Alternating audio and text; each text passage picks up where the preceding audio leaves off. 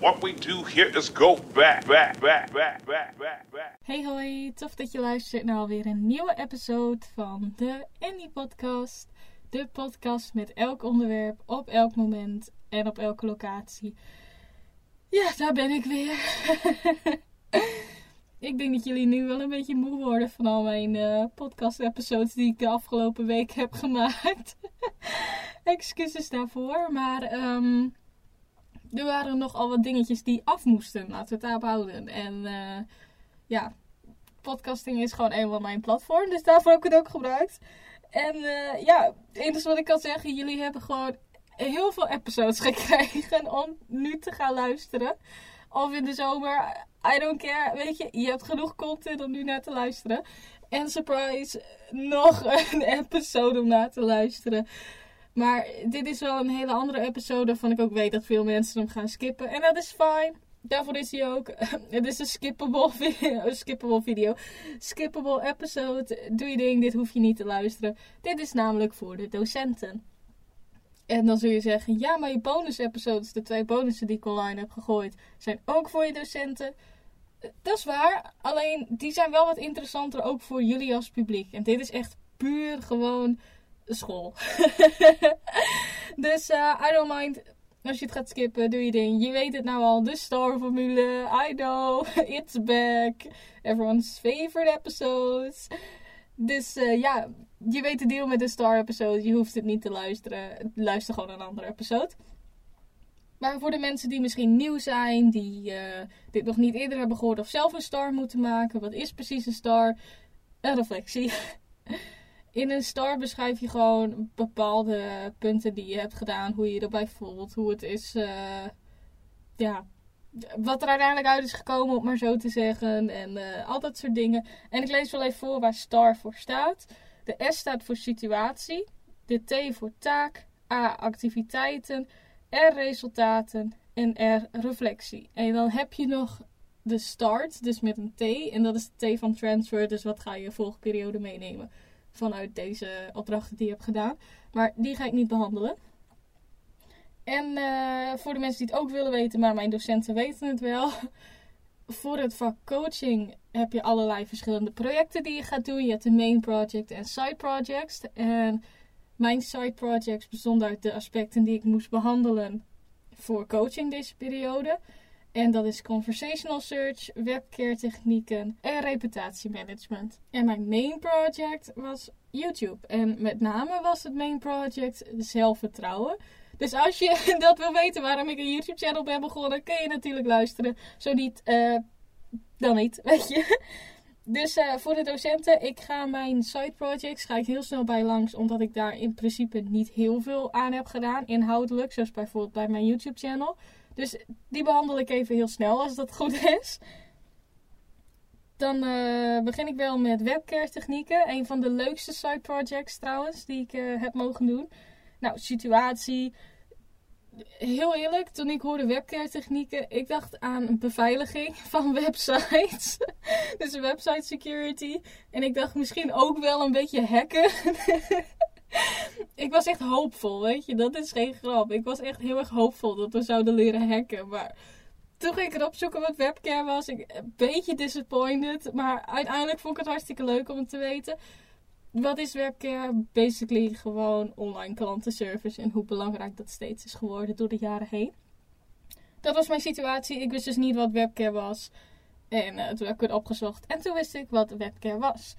Nou, welke taak heb ik mij dan gegeven voor webcare? Ik heb besloten om net zoals mijn juridische aspecten een story highlight te maken op de Any Podcast Instagram. En uh, nou, dan was eigenlijk mijn taak meer van ik heb onderzoek gedaan en ik wil anderen helpen met name wel een beetje de beginnende bedrijven, de MKB'ers een beetje. Want er zijn redelijk wat MKB-bedrijven die mij volgen, dus ik dacht wie weet is het handig. En uh, het leek me ook gewoon grappig voor mensen die er meer over willen weten, dat ze het zo kunnen vinden op social media. Dus mijn taak was het verspreiden van mijn kennis die ik heb opgedaan in deze hele korte periode. Nou, mijn activiteiten waren vrij simpel. Ik heb test research gedaan naar webcare. Ik heb eerst, ik heb eerst opgezocht wat is precies webcare, want dat wilde ik wel goed en duidelijk kunnen uitleggen in die highlight. En dat is ook wel gelukt, lijkt mij. Daarna heb ik flink wat artikelen, websites. Ehm, ik heb geen contact gehad met een bedrijf. Maar wel hun website die echt gespecialiseerd is in web, webcare heel erg goed uh, ja, onderzocht eigenlijk. Om zo een lijstje te maken van de top 5 belangrijkste webcare technieken. Nou, en dan kun je afvragen, wat zijn er om die top 5 dingen? Ik heb wel echt uh, goed gekeken naar wat komt de hele tijd terug. En welke punten benadrukken ze allemaal extreem veel. En nou, ik kan zo even opnoemen de 5 punten. Ik heb help de klant ook echt. Reageer op alles. Negativiteit telt mee. Timing is everything. En emojis en gifjes. Omdat dat wel punten waren die heel veel terugkwamen in allerlei artikelen en websites en wat dan ook. En ja, dat heb ik samengevoegd in een story highlight. En hij staat op de Any podcast onder Anycare, zodat je het gelijk kan vinden. Nou, resultaten. Ik heb wel een beetje feedback gekregen van een MKB-bedrijfje die met social media promo's aan het uh, werken is. En die vooral op statistieken gaat letten. En uh, die zeiden van, oh, dit is best wel handig. Kun je het ook instellen op Instagram bijvoorbeeld, dat je een direct response kan doen. En daar heb ik ze een klein beetje mee geholpen. Ik heb ze wel heel veel zelf laten doen. Maar ik heb wel gezegd, ja, het is wel mogelijk. Dat je gewoon uh, responses ga je al een beetje programmeren van tevoren als iemand een bepaalde vraag stelt. Dat ze gelijk antwoord kunnen hebben. En dat was wel cool.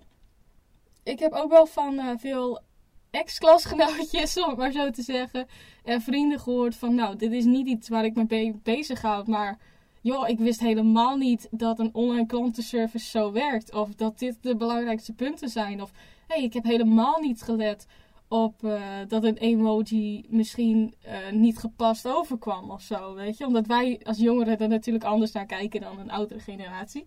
Dus dat uh, zijn een beetje de resultaten die ik terug heb kunnen krijgen. Nou, statistieken, laten we gewoon zeggen, mensen hebben de story gezien. Maar ik weet dat ook heel veel er gewoon doorheen zijn gaan skippen. Wat ook heel logisch is natuurlijk. En mijn reflectie. Ik heb redelijk wat geleerd. ik heb dus uh, geleerd dat webcam niet staat voor hacken. Echt, nog steeds zo jammer. Maar oké. Maar ik heb ook geleerd dat ik best wel een interesse heb in webcare. Het was wel een project waar ik veel meer onderzoek naar heb gedaan dan naar conversational search bijvoorbeeld. En eigenlijk is het ook wel iets waarvan ik denk, joh, het is zo jammer dat mijn werk daar niet echt mee bezig is. Want het is een heel klein bedrijfje en die heeft het in principe niet heel erg nodig. Want wij hebben altijd direct contact met de klant. Maar eh, toch dacht ik wel van, misschien als ik stage ga lopen, is het iets wat ik mee wil nemen. Het is misschien niet iets voor stage zelf, dat je er echt non-stop op gaat focussen. Maar misschien kun je het wel verbeteren natuurlijk. Of je gaat kijken naar de webcare technieken en hoe het anders kan. Dus ik moet heel eerlijk zijn wanneer ik zeg, ik vond webcare extreem interessant. En ik zou er eigenlijk ook wel mee wat willen doen. Ik vond het hartstikke leuk. Nou, dat was één. Dan uh, zullen we maar conversational search zullen we maar gaan doen. Nou, de situatie, net als heel veel anderen, wist ik niet wat conversational search was. Ik dacht, omdat het gewoon in de naam zit, conversational search, conversatie zoeken, dat het gewoon mensen zijn. Uh, dat eigenlijk een beetje het webcare, dacht ik meer aan. Dat als jij de biep zegt, dat de biep gaat reageren. Ik dacht dat dat het was, maar boy, ik heb veel geleerd deze periode. Conversational search is dat totaal niet. Hoe ik conversational search heb gedefinieerd uh, is vooral dat het te maken heeft met spraakassistentie die in plaats van een textuele response een verbale response gaat geven. Dus denk maar aan een Alexa. Dat jij zegt, uh, Alexa, uh, koop even wattenstaafjes voor mij. Dat Alexa dat ook doet. Of als je zegt, Alexa, hoe groot is een olifant, dat Alexa ook echt antwoord geeft. Dat, uh, ja, dat wist ik nog niet, dus mijn situatie was nul. mijn beginpunt. Ik wist helemaal niet wat dit was. En toen heb ik onderzoek gedaan en toen was ik echt helemaal flabbergasted. Van holy shit, dit is echt. Er zit echt een markt in. nou, wat was mijn taak? Net zoals conversational search. Ik doe desk research. Wel uitgebreid desk research. Want dit was ook wel iets wat je eigenlijk best wel lang naar moest zoeken om goede punten te vinden. En in plaats van het te delen op Instagram, omdat dit toch nog wel moeilijk uit te leggen is textueel, vind ik vooral moeilijk, heb ik besloten er een bonus podcast van te maken. En uh, op de resultaten kom ik wel terug trouwens. Want het, uh, het, was best wel verrassend, de resultaten. En uh, ja, dus ik was eigenlijk gewoon de kennisprovider. Ik heb kennis opgedaan. Ik heb het gedeeld in de vorm van een podcast. Dat is de taak die ik mezelf heb opgegeven. Eh, voor de docenten die het nog weten, ik wilde inderdaad eerst een video ervan maken, speciaal voor jullie, maar toch heb ik besloten er een podcast van te maken. Want het leek me nog wel interessant om te zien hoe wordt deze opgepakt. Nou, activiteiten. Heel simpel. Ik heb uh, eerst opgezocht natuurlijk weer wat is conversational search. En daar kwamen wel verschillende antwoorden uit voor een of andere reden. Het ging inderdaad over het zoeken naar conversie. Daar werd het heel erg op gericht. Maar dan niet op de Alexa, Siri en weet ik het. En dankzij de coachinglessen wist ik dat het daar eigenlijk meer om ging. Dus uh, toen ben ik een beetje in het Engels gaan zoeken. En toen kwam ik wel meer op de punten uit die ik moest hebben. Dus hoe werkt een Alexa bijvoorbeeld? En hoe kun je conversational search inzetten? En um, wat voor nut heeft het allemaal? En hoe groot wordt het nog, weet je? En dat het gewoon onderdeel is van AI en zo. Dat was ook wel heel interessant. um, dus ik heb redelijk wat kennis opgedaan. En al deze punten heb ik opgeschreven in mijn notities. En vervolgens eigenlijk voorgelezen, maar ook nog uitgelegd in eigen woorden en een paar voorbeelden gegeven in mijn podcast. Dus als je heel uitgebreid wil horen wat nou precies conversational search is, dan moet je wel de bonus episode gaan luisteren. Wat is conversational search? Daarin leg ik echt precies uit wat het is. En de resultaten. Tot nu toe is er nog niet heel goed geluisterd, want ik heb hem nog niet gepromoot. Maar ik heb al wel een DM gekregen van een vaste luisteraar die zei van... Wow, yo, dit is enorm interessant. Ik wist helemaal niet dat een serie zo werkt. Of, wow, ik wist helemaal niet dat uh, het onderdeel is van AI en machine learning en weet ik het, al dat soort dingen. En dat was best wel cool om te horen. Dat zo'n eigenlijk wel nerdy episode, want het is best wel een nerdy episode geworden. Met echt wel de technische aspecten erin verwerkt. Dat dat zo goed is opgevangen door sowieso al één persoon. En ja, binnenkort ga ik er echt wel een beetje een promootje ervoor geven. Omdat ik toch wel benieuwd ben, gaan mensen ernaar luisteren? En wat ik ook gewoon leuk vond aan het maken van een podcast was um, ook wel weer een beetje gericht op MKB-bedrijven, maar ook grotere bedrijven. Dat je het ook gewoon kan luisteren. Stel voor je bent uh, ermee bezig met zo'n project en zo en je gaat naar huis en je moet wat meer info hebben. Dan kun je het heel snel via Spotify vinden en dan gewoon in de auto luisteren. En ik weet, met zulke dingen wil je het niet lezen, maar je wilt het echt horen. Zo'n heel uitgebreid verhaal. Dus dat was ook een beetje mijn reden om het te doen. En de resultaten, zoals ik zei, ik was een beetje ja, geschokt dat iemand het toch had geluisterd. Ondanks dat ik er helemaal geen promo voor had gemaakt. Ik heb ook niks gezegd dat er een nieuwe episode online stond. Alleen voor docenten natuurlijk. maar um, ja, het verbaast mij toch wel dat hij het zo goed oppakt. En dat hij zei van, oh, dit is vet interessant. Yo, als je meer van zulke dingen hebt, deel het. En ja, dat vond ik eigenlijk best wel cool. Want het is ook wel iets wat ik zelf ook interessant vond. Um, niet in de zin dat ik hiermee verder wil op stage. Dat niet.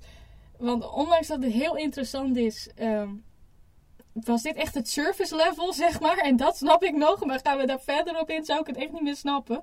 Maar het is wel hartstikke cool. En uh, ik vind het ook hartstikke interessant. En ik zou er eigenlijk ook wel redelijk wat meer van willen leren. Maar ik zou het niet mee willen nemen naar stage. Of ik zou er wat meer mee willen doen. Nee, webcam heeft echt mijn hartje uh, veroverd. en reflectie, wat heb ik geleerd? Enorm veel, dat wel. Um, is het iets wat ik voor mezelf zou implementeren? Nee, ik zie het nut er op dit moment nog niet van in. Want ik ben natuurlijk nog beginnende met alles. En... Uh, ja, ik zie het nut er nog niet echt van in voor mezelf. Maar zou ik een groter bedrijf zijn, dan zou echt wel Conversational Search echt enorm handig zijn als ik dat op mijn eigen website heb. Of dat ik voor Conversational Search extra betaal om Siri de antwoorden te geven, zeg maar. Dus ja, ik heb enorm veel geleerd. En er is ook eigenlijk wel een wereld van mij open gegaan. Vooral een technische wereld. Maar het is niet iets waarvan ik nou zeg, nou, ik ga nu echt inspringen op die markt of zo. Dat niet. Nee. Ik hoop dat dit een beetje duidelijk is, want ik wilde geen 40 minuten podcast van maken. Maar als ik zo kijk naar de tijd, dan uh, denk ik dat het wel zo wordt. Dan gaan we naar de laatste side project die ik heb behandeld. En dat is reputatiemanagement. En de situatie van reputatiemanagement, ja, het was voor mij eigenlijk in één keer duidelijk wat je moest doen. Want het zit in het woord zelf, reputatiemanagement. En dat is het managen van je reputatie. En uh, Het is wel zo dat ik eerst dacht, oh je moet het op jezelf betrekken. Maar toen werd het duidelijk, nee dat hoeft helemaal niet. Het is juist handiger als je naar een ander bedrijf gaat kijken of iets anders. Wat ik dus heb gedaan. Dus uh, voor mij het was niet moeilijk om hier wat mee te gaan doen. En het was ook niet een woord waar ik nog nooit van heb gehoord. Vooral als je communicatie uh, leert en zo, weet je ook wat reputatie is. Dus het is vrij makkelijk om te raden wat je met reputatiemanagement moet doen. Nou, wat was mijn taak? Ik heb besloten, um, omdat ik online content creator word, kan ik natuurlijk wel gaan kijken naar, oh, um, de reputatie van FC Groningen is helemaal niet zo hoog. Wat ga ik daaraan doen? Daar kan ik natuurlijk naar gaan kijken. Hartstikke leuk. Ook geen shade naar de mensen die dat wel hebben gedaan. I don't know of mensen het hebben gedaan, maar doe je ding. Maar ik dacht, ik als online content creator ga het heel anders aanpakken. Ik ga naar een social media platform kijken. En met name Tumblr. I know, Tumblr. Nooit weer van gehoord. Of veel dan. Dus uh, ja, dat, dat is een taak die ik mezelf heb gegeven. Ga de reputatie van Tumblr eens heel goed bekijken. En wat valt je op? Ga dat opschrijven. En ga dat vervolgens delen in een podcast. Want dit was sowieso iets waar ik een podcast over wil wilde maken. Los van het feit dat ik een online content creator ben. Ik wilde even flexen dat ik weet dat uh, mijn uh, vakgebied veel breder is dan alleen Instagram. maar um, het was ook iets, het is een website dat heel veel mensen wel kennen en misschien zelfs hebben gebruikt. Wat nu dus niet meer echt het geval is. Maar daarvoor moet je de episode maar luisteren waarom dat allemaal zo is. En uh, dat leek me sowieso, was dat me de voorkeur dat ik dat op een podcast ging doen. En dat het gewoon enorm educatief zou zijn. En misschien niet interessant in de manier van hier kan ik wat mee. Uh, ja, weet ik het. hier kan ik wat mee, laten we maar zo zeggen. Zoals bijvoorbeeld met die webcare technieken. Maar het is wel iets wat ik mee wilde geven aan mijn generatie vooral. Van joh weet je dat social media platformen eigenlijk ook een reputatie hebben en dat ook zo kunnen beëindigen. En het is niet dat um, Musical.ly en TikTok de ergste pagina's zijn geweest die er nu zijn. Nee, nee, er zijn veel ergere dingen gebeurd waar je eigenlijk nooit van hoort. Dus eh, dat was een beetje de taak die ik voor mezelf had. En ik wilde gewoon mensen die het ook hebben gebruikt een beetje nostalgie weergeven van, oh ja, Tumblr bestaat nog. Maar wat is er nou net gebeurd, weet je? Dus dat wilde ik ook wel graag een beetje delen. Nou, de activiteiten. Uh, oh, daar gaat mijn stem even. de activiteiten vrij simpel. Um, ik heb vrij lang op Tumblr lopen zoeken. Want ik wilde zien hoeveel mensen zijn nu nog actief en zo. En uh, niet dat ik er zelf heel veel mee heb gedaan. Ik heb gewoon gekeken elke dag. Nou, hoeveel posts worden geplaatst. En het zijn best wel veel. Let's be honest. Ik heb ook niet alles bijgehouden. Maar gewoon om te zien, is Tumblr nou echt dood, ja of nee? En het antwoord is nee. Daarnaast heb ik nog een beetje de voorwaarden van Tumblr zelfs gelezen. Ja, ik ging ver hierop in. Want ik wilde gewoon heel graag bewijzen van, ik kan wel reputatie managen. um, en ik vond het ook hartstikke interessant, want het is wel een website die ik zelf ook heel veel heb gebruikt. Daarnaast heb ik ook een aantal video's gekeken die dit onderwerp hebben behandeld. En een beetje hun aspecten erbij uh, gepakt. En dit heb ik gecombineerd, dit heb ik gecombineerd in één podcast-episode. Waar ik een beetje de geschiedenis van Tumblr vertel. Waar het mis is gegaan en waar ze nu zijn geëindigd. En dat ze het eigenlijk niet helemaal meer kunnen oplossen. Maar misschien wat ze wel hadden kunnen doen toen het gebeurde, toen het allemaal misging. Want ik ga niet spoilen, daarvoor moet je maar de episode luisteren. De resultaten. Ja, er zijn op dit moment nog geen resultaten, omdat die nog maar net online staat. Maar uit een poll die ik heb gehouden al eerder in het jaar, of in het jaar, in deze periode moet ik zeggen, was het wel duidelijk dat bijna 50% van de mensen die hebben gestemd wel interesse had om te weten wat is er nou gebeurd met Tumblr, de rise and fall of Tumblr. En uh, dat gaf mij wel inzicht van als ik nou eenmaal zeg, hé hey, mijn episode is online, wat ik dus ook gaan doen straks. Dat ik redelijk wel wat luisteraars ga krijgen en ook wel feedback ga krijgen hierover. Maar op het moment van uh, opname van de Star-formule is dat er nog niet. Dus excuses daarvoor. Maar ik weet dus wel uit die poll en mensen die ik al wel heb gesproken, gewoon in het algemeen over Tumblr, dat hier heel veel interesse voor was. Dus ik durf met een gerust hart te zeggen dat die episode wel goed gaat doen. En de reflectie, wat heb ik geleerd? Eh, wat heb ik geleerd van de feedback? Feedback is natuurlijk nog niet, dus ik heb er daar nog niks van geleerd. Maar wat heb ik geleerd? Heel veel. Ik heb mezelf ook een beetje onderschat met hoe ik research kan doen eigenlijk. Als iets mij echt interesseert, dan ga ik er ook echt heel hard voor. En dan 100% zet ik me in. En ik bedoel, ik hoefde niet elke dag Tumblr te checken of om het uur te kijken of de nieuwe posts zijn geplaatst. Dat hoefde helemaal niet. Maar ik wilde het doen. Ik wilde zelf ook een steentje bijdragen aan dit hele onderzoek. In plaats van ik ga een blog van iemand kopiëren waar precies in staat wat er is gebeurd. Nee, waarom zou ik dat doen? Dat is niet meer leuk, weet je. En hoe had ik het dan gedaan als dit allemaal niet bekend was geweest? We het daarop houden. Ik wilde gewoon even laten zien, ik kan het wel. um, daarnaast heb ik ook veel geleerd over hoe een... Ja, hoe, hoe fout het eigenlijk is om alles toe te laten staan.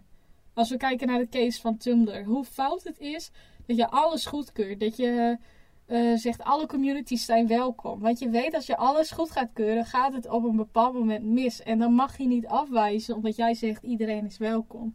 Dus ik heb best wel geleerd over grenzen trekken. En wanneer is het genoeg? En wanneer ga ik niet iets toestaan?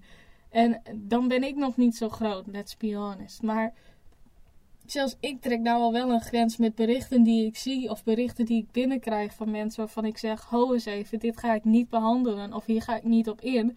En dan heeft het niet met mij te maken in dat opzicht, maar meer met uh, politieke standpunten bijvoorbeeld.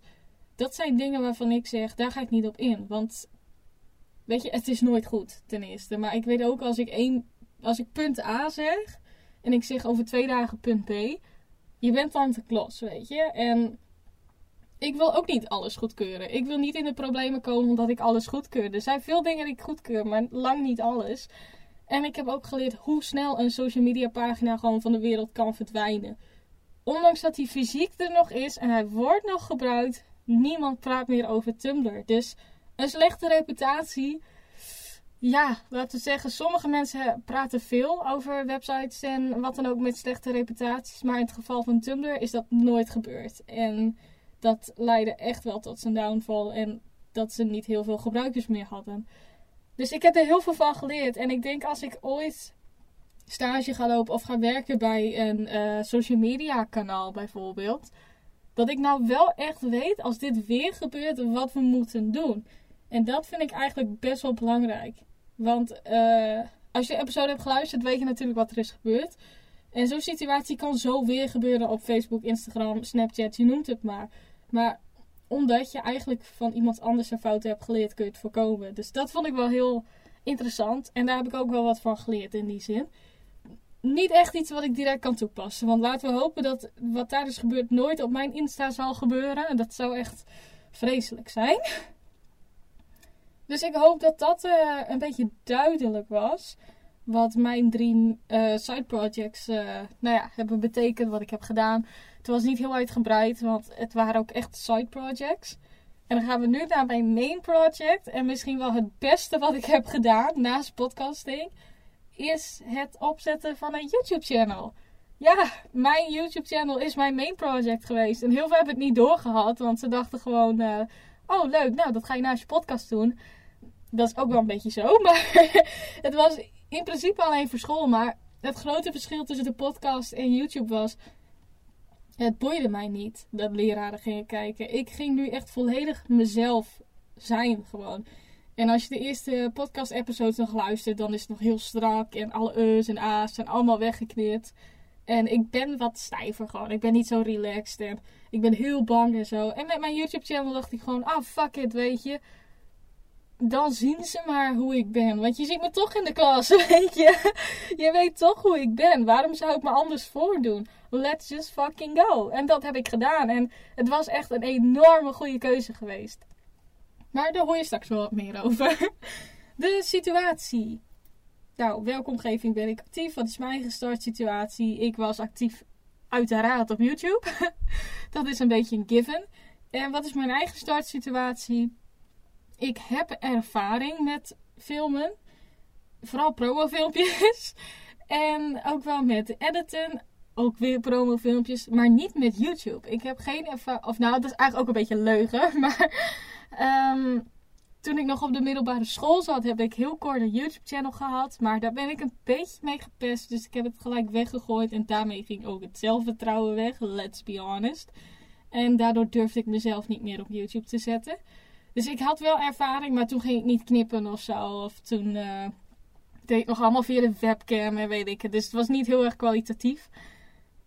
En uh, nu ben ik wel uh, wat verbeterd. En ik heb ook heel veel tijd gestoken in mijn editing. Want ik wilde het goed hebben en ik wilde dat het gewoon. Ja, dat je gewoon kon zien dat ik er echt heel veel moeite in heb gestoken. En ik denk dat dat ook wel duidelijk is geworden. Dus mijn situatie was, ik was niet helemaal onbekend met YouTube. Met in de zin van uploaden en views krijgen. Los van de coaching vlogs die ik maak. Maar het is ook niet zo dat ik professional YouTuber ben geweest. Of dat ik daar heel veel van af weet. En uh, ja, dan gaan we naar mijn taak. Wat was mijn taak? Een beetje moeilijk. Um, want ik heb natuurlijk twee taken gehad. Het maken, filmen, editen en online zetten van video's. Dat was taak 1 en dat is meer de service. En mijn persoonlijke taak was om niet de video's te verwijderen. En dan vraag je dan natuurlijk af van, oh, waarom zou je video's verwijderen? Onzekerheid. Enorm onzeker. Ik wist met de eerste video na een uur dacht ik al van, oh hij moet weg, niemand vindt het leuk. Waarom heb ik dit gedaan? Oh ik ben zo achterlijk, waarom zou ik het doen? Weet je, al die dingen, die, ja, die kwamen steeds omhoog. En ik moest mezelf echt forceren niet naar die video te gaan kijken en niet op te gaan letten op de views. Want in het begin deed die gewoon niet zo heel goed kwam ook een beetje onder uploadtijd en al dat soort dingen. Daar heb ik ook wel wat van geleerd. Maar weet je, dat was los van de service. Dat is iets wat jullie niet zagen. Docenten ook niet. Ze weten er wel van, want we hebben het besproken. Maar dat is iets wat je niet meekrijgt. En dat is ook iets niet wat ik ga delen zo openbaar. Ja, nu heb ik het gedaan, maar op Insta of zo. Dat kon ik niet delen, want dan kwam het over alsof ik niet uh, blij was met mijn video. En in zekere zin was ik heel blij met mijn video, want hij was goed, ja, gewoon goed gemaakt. En eh, ik bedoel, ik heb dingen toegepast die ik nooit in mijn werk toepast. Ik heb nog nooit met LUTs en, uh, nu ben ik het kwijt, color effects packs, even om het maar zo te zeggen, gewerkt. Met een preset bedoelde ik. Daarmee heb ik nooit gewerkt in Color bijvoorbeeld. Omdat wij op werk gewoon standaard dingen hebben. Wij hebben onze eigen preset en daar hou je aan en that's it, weet je. En ik heb nooit met anderen gedaan. Dus ik weet ook niet hoe je moet installeren. En dat heb ik dus ook allemaal uh, geleerd. En um, ja, ondanks al die moeite die ik erin heb gestopt. Um, ja, was het toch wel uh, af en toe even spannend of ik het erop zou laten. En dat was ook een beetje activiteiten, wat ik al een beetje heb beschreven. Uh, mijn activiteit heel simpel was gewoon: ik ging filmen, ik zorgde dat het speel klaar was. Ik ging editen. Ik ging echt tutorials kijken voor editen. Ik ging ook kijken naar andere YouTubers. Beetje welke stijl is nou een beetje in. Ik heb ook wel mijn eigen gemaakt, mijn stijl. Maar ik heb ook wel goed gekeken naar... Oké, zulke video's doen het goed en zulke doen het minder goed. Want dat is best wel belangrijk natuurlijk. En daarnaast was het ook de activiteit om gewoon echt de comments in de gaten te houden. De likes, de statistieken. Uh, wat ik op Insta binnenkreeg. Hoewel of hoe wel, hoe goed worden die foto's ontvangen, hoe goed wordt de promo ontvangen en al dat soort dingen. En uh, daarnaast was het ook gewoon, zorg er gewoon voor dat je een goede intro hebt. Die heb ik nou nog steeds niet. Geen muziek in ieder geval. Daar heb ik nou voor gekozen om dat nu nog niet te doen. Want uh, ik vind het zo eigenlijk ook wel wat hebben. Dat je gelijk de video inspringt. Um, maar bijvoorbeeld maak ook een eindscherm. Iets wat ik zelf nooit deed. En ik was altijd een beetje flabbergasted van... Oh, hoe maak je een eindscherm? En toen zocht ik het op. En het was zo simpel. Dus gelijk mee bezig geweest. En die kun je zien in de tweede video trouwens. Helemaal op het eind. Waar je dan gelijk kan klikken naar de volgende video. Of de vorige in dit geval. En uh, ja, wat heb ik nog meer gedaan? Ik heb dus die LUTs en uh, presets geïnstalleerd. Ik heb gezocht naar uh, sound effects, naar greenscreens naar overlays. Ik heb echt heel veel moeite in het editing gestoken. Want editing is iets wat ik enorm leuk vind. Veel leuker dan filmen. um, daarnaast was het ook een activiteit voor mij mentaal om het dus niet te gaan verwijderen. En ook als iets misging, om tegen mezelf te zeggen: Het is al goed, maak je geen zorgen, je filmt het gewoon nog een keer en het gaat goed. Want ik ben best wel snel iemand die uh, snel opgeeft. Wel liggende aan de situatie, ben ik wel heel eerlijk in. Maar dit is natuurlijk iets persoonlijks. En toen dacht ik wel van, oh, ik kan ook gewoon één video doen en dan eh, is het klaar. Nee, nee, dat gingen we niet doen. Want je kan geen resultaten zien uit één video. En uh, ja, het was, ik vond het dan ook geen challenge als ik het bij één video zou laten en that's it. Want ja, hoe oninteressant is dat? Gefeliciteerd, hebt één video geüpload, je bent daarna nooit weer bezig geweest. Weet je, dat vond ik niet, uh, nee, dat, dat kwam er gewoon niet bij mij in. Aangezien ik heel veel met video heb. um, ja, en wat was nog meer? Een beetje de mentale struggle was inderdaad wel gewoon uh, in de tweede video ben ik helemaal... Nou, ik ben niet vergeten mijn einde op te nemen. Maar mijn camera was nog aan het opnemen terwijl ik hem aan het verplaatsen was. Je drukt op record en dan gaat hij natuurlijk uit. En dan doe ik een hele outro. Heel enthousiast, heel blij. En uh, die is dus nooit opgenomen. En wat je kan doen en wat ik zeker ook wel eerder had gedaan... was echt huilen en in paniek. En wat moet ik nou nog doen? En als ik het opnieuw ga filmen, ga je het zien. Weet je, ik was helemaal in paniek dat was wat ik vroeger zou doen. En nu had ik gewoon iets van: oké, ik ga even snel. Uh, ik heb aan mijn BFF gevraagd, die ook redelijk veel YouTube-filmpjes kijkt. Van hoe zou je het vinden als ik gewoon een edit merel doe waar ik gewoon uitleg waar, wat er is gebeurd? Zij zei: Oh, moet je doen. Klaar. Weet je, het was klaar. Het, het, was ook een voorkeur, dat idee had ook mijn voorkeur. Omdat ik dacht: Weet je, ik ben er gewoon een chaotje. En het kan gebeuren. En in plaats van dat ik die fout ga uh, opschonen, weet je. Dat je net gaat doen, het is nooit gebeurd. Waarom gewoon niet toegeven? Punt uit. Het kan iedereen overkomen. En dat heb ik gedaan. En dat vond ik ook best wel... Um, ja, ik was best wel trots op mezelf in die zin dat ik het gewoon heb gedaan. En dat ik heb gezegd, we gaan nou niet stressen, we gaan nou niet opgeven, we gaan gewoon door. En het komt goed. Joh, calm down, weet je. Ik heb mezelf heel kalm kunnen houden. Ondanks dat ik heel erg onzeker was ook over deze video. en uh, wat nog meer een beetje onzekerheid gaf, was uh, dat heel veel mensen de QA wilden, maar vervolgens geen vragen instuurden. En dat ik toen echt op het punt stond van, joh, waarom doe ik het nog? Weet je, waarom vraag ik nog naar jullie mening? En uh, gelukkig heb ik wel een video kunnen maken natuurlijk met vragen die zijn ingestuurd. Maar dat was wel een dompertje om heel eerlijk te zijn. En toen voelde ik me eigenlijk best wel slecht. Want ik dacht, oké, weet je, dit is iets wat jullie willen, maar je wilde geen moeite voor doen. Got it, weet je. Dat, uh, dat ligt niet altijd fijn bij mij. Maar oké, dat is gebeurd. We hebben het opgelost en het is goed opgelost ook. En het zag er prima uit. En dan uh, kom ik op het volgende neer, de resultaten. Ja, om de resultaten te kunnen behandelen heb ik wel besloten om twee video's te uploaden. Maar er komen meer, don't worry. er gaan echt nog wel meer YouTube filmpjes komen. Maar uh, de resultaten. Ik ben echt flabbergasted, want beide video's zijn positief ontvangen. De eerste wel iets beter dan de tweede. Maar ik heb ook nog niet echt promo gemaakt voor de tweede. Ik heb één keer gezegd, oh, nieuwe video online en that's it. Dus uh, als ik nu, eh, nu tijdens het opnemen ga ik straks even een foto plaatsen waarin ik zeg: Hey, video online, ga even kijken, hartstikke leuk. Uh, you get it, weet je. um, maar ja, als ik kijk naar de likes, ik heb tot nu toe geen enkele dislike gekregen. En ook al was er wel een dislike bij, dat is verder prima, weet je. Maar gewoon 100% likes. En eh, als ik dan hoor van anderen van ex-vrienden, of ex-vrienden klinkt heel verkeerd. Uh, Oud-vrienden, ex-klasgenootjes, uh, eh, BFF's en weet ik het. En zelfs familieleden. Dat gewoon zeggen, ja, dit was echt jij. Dit ben jij gewoon. En je laat echt jezelf zien. En een van de feedbackpunten die ik heb onthouden, wat wel meerdere mensen zeiden, waar ik ook nu echt heel erg over aan het nadenken ben, is dat ze zeiden: Je komt veel beter naar voren in je video's dan je podcast. En het is ook wel zo, ik heb veel meer met beeld dan met audio. Dat is ook zo. En ik ben toch wel een beetje hesitant met audiogebruik in mijn. Uh, of nou ja, copyright audiogebruik in mijn uh, podcasten. Omdat Spotify redelijk streng is met dat soort dingen. Dus ik wilde niet riskeren dat ik al mijn werk kwijt was. Um, maar het is wel zo, wat zij zeggen is waar ik voel me ook prettiger. Ondanks dat ik echt enorm onzeker ben. I know. Het is echt een heel raar verhaal. Voel ik mij wel prettiger bij video. Omdat ik meer kan editen. En ik kan meer mijn kunst laten zien, zeg maar. Ik kan meer mijn skills naar voren laten halen. En dat miste ik wel heel erg bij podcasting inderdaad. En ook met onderwerpen vond ik het altijd heel lastig van... Is dit wel podcast worthy? Weet je, het zou veel beter een video kunnen zijn. Maar omdat podcast mijn project was, heb ik dat nooit gedaan. En... eh ja, toen is er wel naar voren gekomen dat ze liever mijn video's keken dan mijn podcast luisteren. en dat kon ik ook wel zien in de cijfers. Dat was overduidelijk wel logisch. En uh, ja, dat heeft mij wel aan het denken gezet in de zin van misschien moet de podcast één keer in de week of, of uh, ik bedoel één keer in de maand of één keer in de twee maand.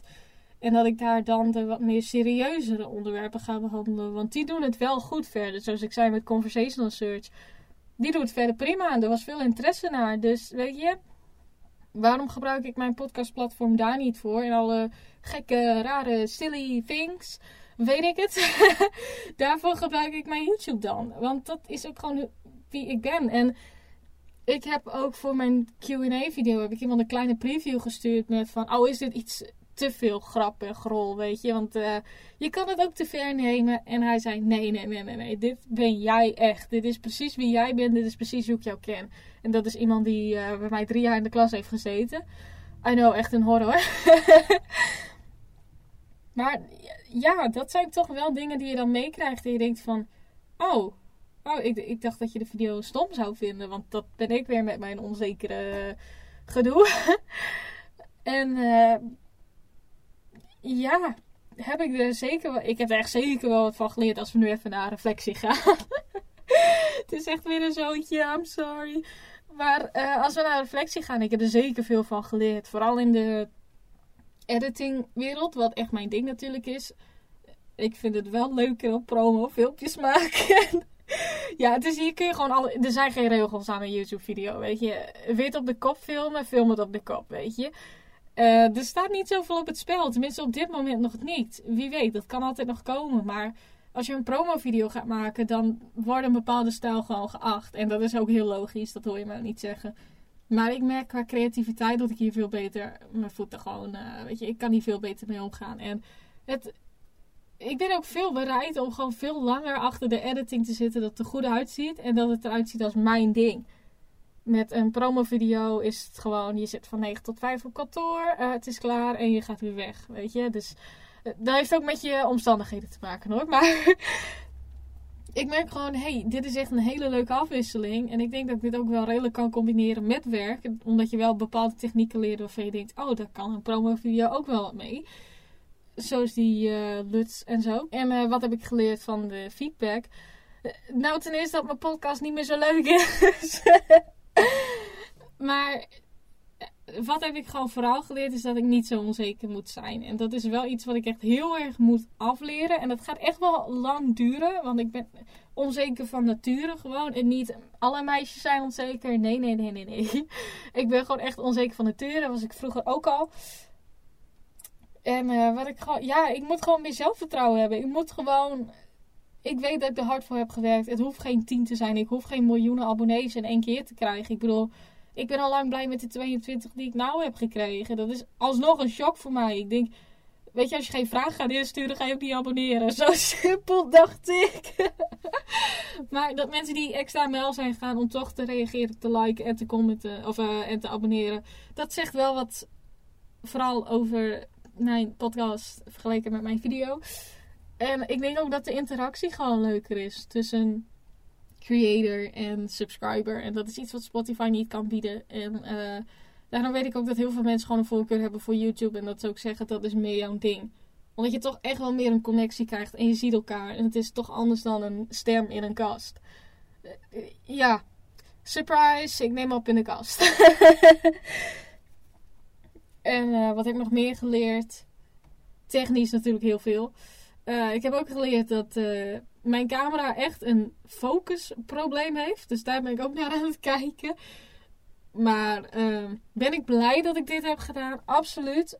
Ondanks dat het heel veel onzekerheden wel met zich meebrengt. En dat ik ook af en toe echt denk: oh mijn god, waarom heb ik het op internet gezet? In, in die zin is het niet erg, het is geen Project X of zo. Maar uh, you get it, denk ik. Ondanks dat ben ik hartstikke blij dat ik dit heb gedaan. En dat ik eigenlijk tegen mezelf heb gezegd: nee, je gaat een paar uh, ballen groeien en je gaat het gewoon doen. Weet je, eh, je kan onzeker blijven. En als je dat blijft, dan ga je heel veel kansen missen. En dat is iets waar ik heel veel spijt van heb. En uh, ook dat ik het soort van pisten in de middelbare school. Dat ik dat zo over mij heen heb laten gaan. En dat ik dat eigenlijk ja, dat dat mij zo down heeft gebracht. Waarvan ik dacht, ik kan nooit YouTube meer gaan doen. Zelfs nu dacht ik er nog aan. Eerst waar ik aan dacht was, oh nee, wat als iemand gaat pesten? Oh nee, wat is als, als ik allemaal filmpjes toegestuurd krijg waarin ze zeggen, haha, wat ben je stom, haha, wat ben je kut, om maar zo te zeggen. En dat is natuurlijk niet gebeurd. Hartstikke blij daarmee. En uh, ik weet dat er wel opmerkingen gaan komen. Dat weet ik. Want het maakt toch niet uit wat je op internet zet. Iedereen heeft een mening erover. Maar alsnog sta ik wel achter mijn besluit om dit te doen. En ik ben hartstikke trots op mezelf dat ik het ook heb gedaan. Dat ik ook heb gezegd, we gaan er 100% voor. En we gaan het goed maken. En we gaan iets maken waar, jij trots op bent. En dat ben ik. Ik ben hartstikke trots op de producten die ik heb gemaakt. En de video's die online staan. En ik ben ook hartstikke trots dat ik, ondanks dat ik zei dat ik geen 40 minuten episode wil gaan maken, ik er toch bijna drie kwartier van heb gemaakt. Dus excuses. Ik sluit het nou af. Ik hoop dat het duidelijk was. Mijn reflectie. Want dan kan ik verder gaan met assessment video. dus uh, usual afsluitertje. Vergeet vooral niet de podcast te liken, te delen. Volg ook even de Annie Vlogcast op YouTube. Volg mij ook even op Instagram. At underscore Podcast voor hele toffe content. En uh, ja, docenten, succes met luisteren. en uh, bedankt voor het luisteren en tot de volgende keer. Doei doei! Wow, wow, wow. Dacht je nou echt dat je al klaar was met mijn reflectie? Um, ik denk het niet. Oké, dit klinkt misschien een beetje raar, omdat dit natuurlijk na mijn afsluiting komt. Maar um, aangezien dit toch een starreflectie is, ga ik toch iets zeggen wat niet heel gek is als de docenten dit nog onthouden. Na een gesprek over uh, ja, mijn dingen, mijn uh, dingen die ik heb gedaan en uh, een klein ding die ik hier niet in heb vermeld in mijn reflectie. Um, zijn wij alle drie tot de conclusie gekomen dat dat ene ding toch nog wel even vermeld kan worden. Dus ik dacht, laten we nog even een hele kleine reflectie hier aan toepassen van mijn assessment video. Ja, ja. Een assessment video. Ik ga niet uitleggen uh, wat het allemaal inhoudt, want het is toch al een beetje anders dan anders gegaan. Dus uh, laten we er gewoon even snel uh, op ingaan. Wat moest ik in de video laten zien? Wat ik deze afgelopen periode heb gedaan, wat ik heb geleerd. En het, het was eigenlijk een soort verkoopfilmpje, een soort promo van jezelf. En ik heb er ook zeker een promo van gemaakt. ik heb het zowel serieus als in mijn eigen stijl gehouden. Dus dat betekent dat ik wel mijn punten van reputatiemanagement, webcare, um, mijn main project en zo, dat heb ik er allemaal wel gewoon in verwerkt. En daar heb ik wel duidelijk in gezegd: dit heb ik gedaan, dit heb ik geleerd. Um, eventueel hoe ik me daarbij voelde, eventueel. Um, dat vond ik niet heel belangrijk.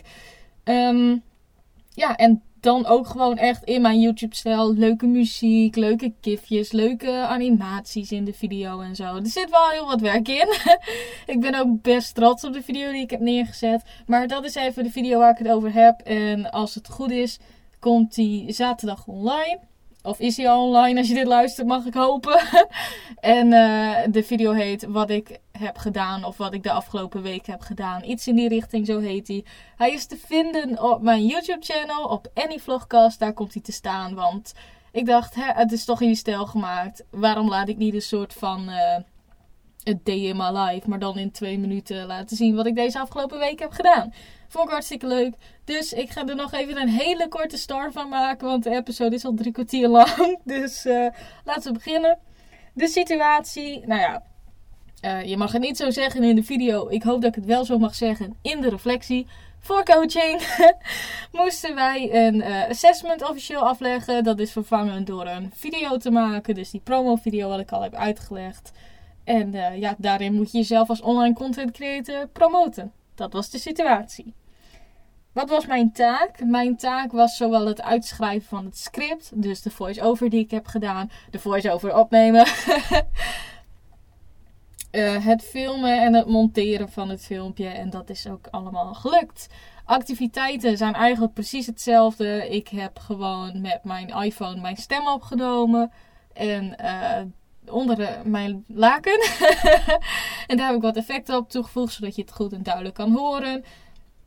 Eh, ik heb natuurlijk mijn script eerst uitgeschreven, gewoon in notities op iPhone. En daar zijn heus wel wat dingen uitgehaald, zodat het in twee minuten paste. Ik heb ook alle stukjes apart opgenomen, zodat ik dingen weg kon knippen uiteindelijk. Als het te lang werd, of als ik dacht, deze grap die hoort er niet tussen, of wat dan ook. Ehm, daarnaast heb ik natuurlijk gewoon gefilmd. Ik heb mijn camera, het zijn allemaal stillshots uiteraard. Die heb ik gewoon neergezet en uh, nou ja, hopelijk gefocust. Niet alles is gefocust, but I tried. Um, ja, dat heb ik dus gewoon alles in scène gezet wat ik heb gedaan. Ik heb ook alle scènes allemaal uitgedacht. In de zin van als we bijvoorbeeld naar Conversational Search gaan kijken, dat ik Siri een grapje liet vertellen. Dan heb ik Siri Express in het Engels gezet, want ik wist dat dan de domste grappen naar voren zouden komen. Dus um, nou ja, dan zet je de camera op. Je gaat met lampen spelen. Je zorgt ervoor dat de beelden er goed uitzien. Je zorgt ervoor dat jij er goed uitziet. Want het gaat wel om jou natuurlijk. En uh, nou ja, als, als ik al die beelden had, dan ging ik monteren in Premiere. Want uh, ja, dat is waar ik altijd in uh, monteer. Um, ja, ik heb gewoon mijn standaard preset pak heb ik er op gegooid qua kleurcorrectie. Dat kun je ook zien. Dus de video komt ook mooi overheen met alle andere YouTube video's die ik tot nu toe heb geproduceerd. Dus dat is hartstikke mooi. Uh, ik heb natuurlijk aan de twee minuten gehouden maximaal. Um, wat nog meer? Wat misschien leuk is om te vermelden, want daar kom je natuurlijk toch niet achter totdat ik het zeg. Uh, de video was al veel eerder af. Want de beelden waren gewoon goed geschoten. En ik heb ook wat oude beelden gebruikt. Want hey, die waren goed. Dus why not? en uh, ja, toen had ik hem helemaal geëdit op de beat van uh, Sweet Dreams en Kahoot. Dat was de grap. In het begin hoor je ook nog Kahoot music. Dat heb ik erin gehouden, want dat was gewoon leuk.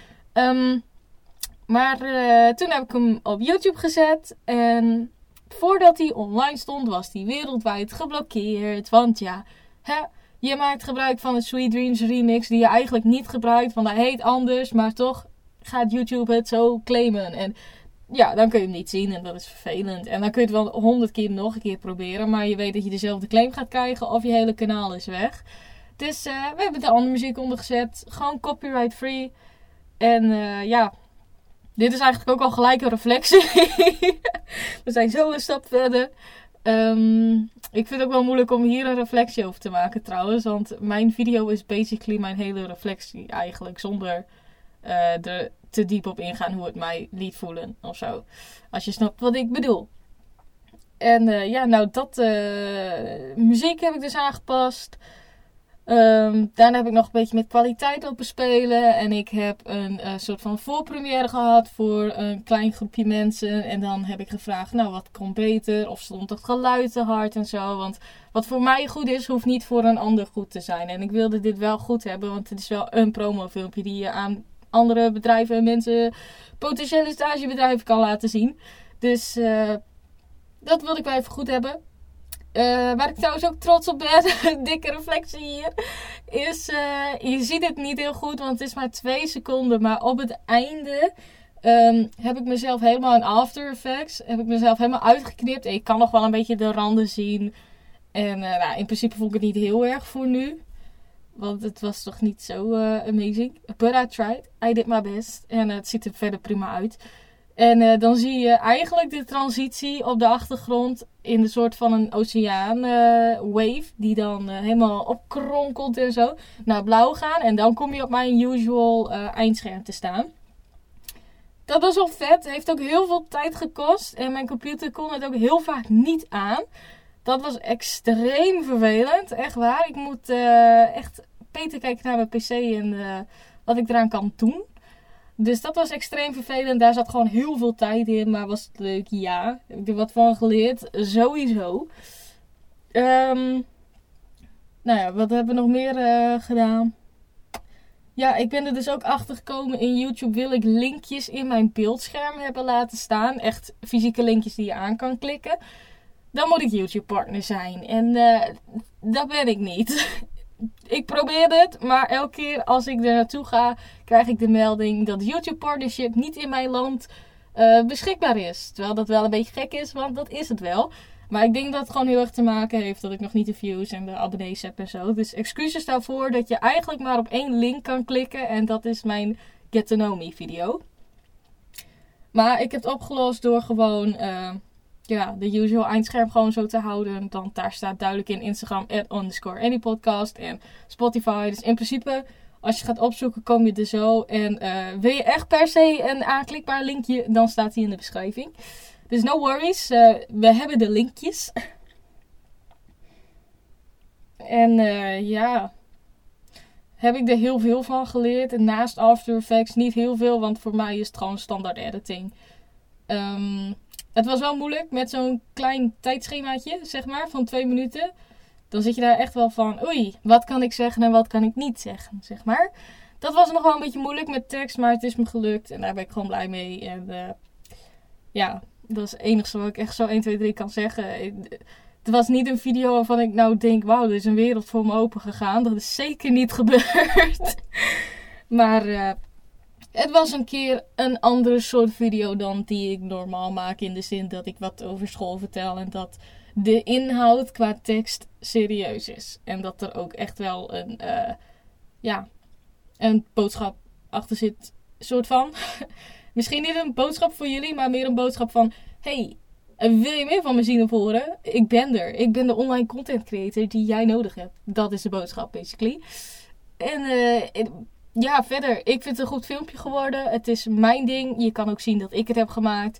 Zonder dat ik in beeld ben, want het is echt mijn stijl. En uh, ik denk dat het filmpje mij als persoon, als online content creator, als uh, ja. Ik wil mezelf niet als online character neerzetten, maar mijn YouTube persona, om maar dan zo te noemen, uh, die komt goed naar voren. En ja, dat is gewoon prima zo. Daar ben ik heel tevreden over. En ik hoop dat dat een uitgebreide en goede reflectie was over een filmpje waar ik eigenlijk heel weinig over kan zeggen. Of in mijn geval, voor mijn gevoel, veel weinig over kan zeggen.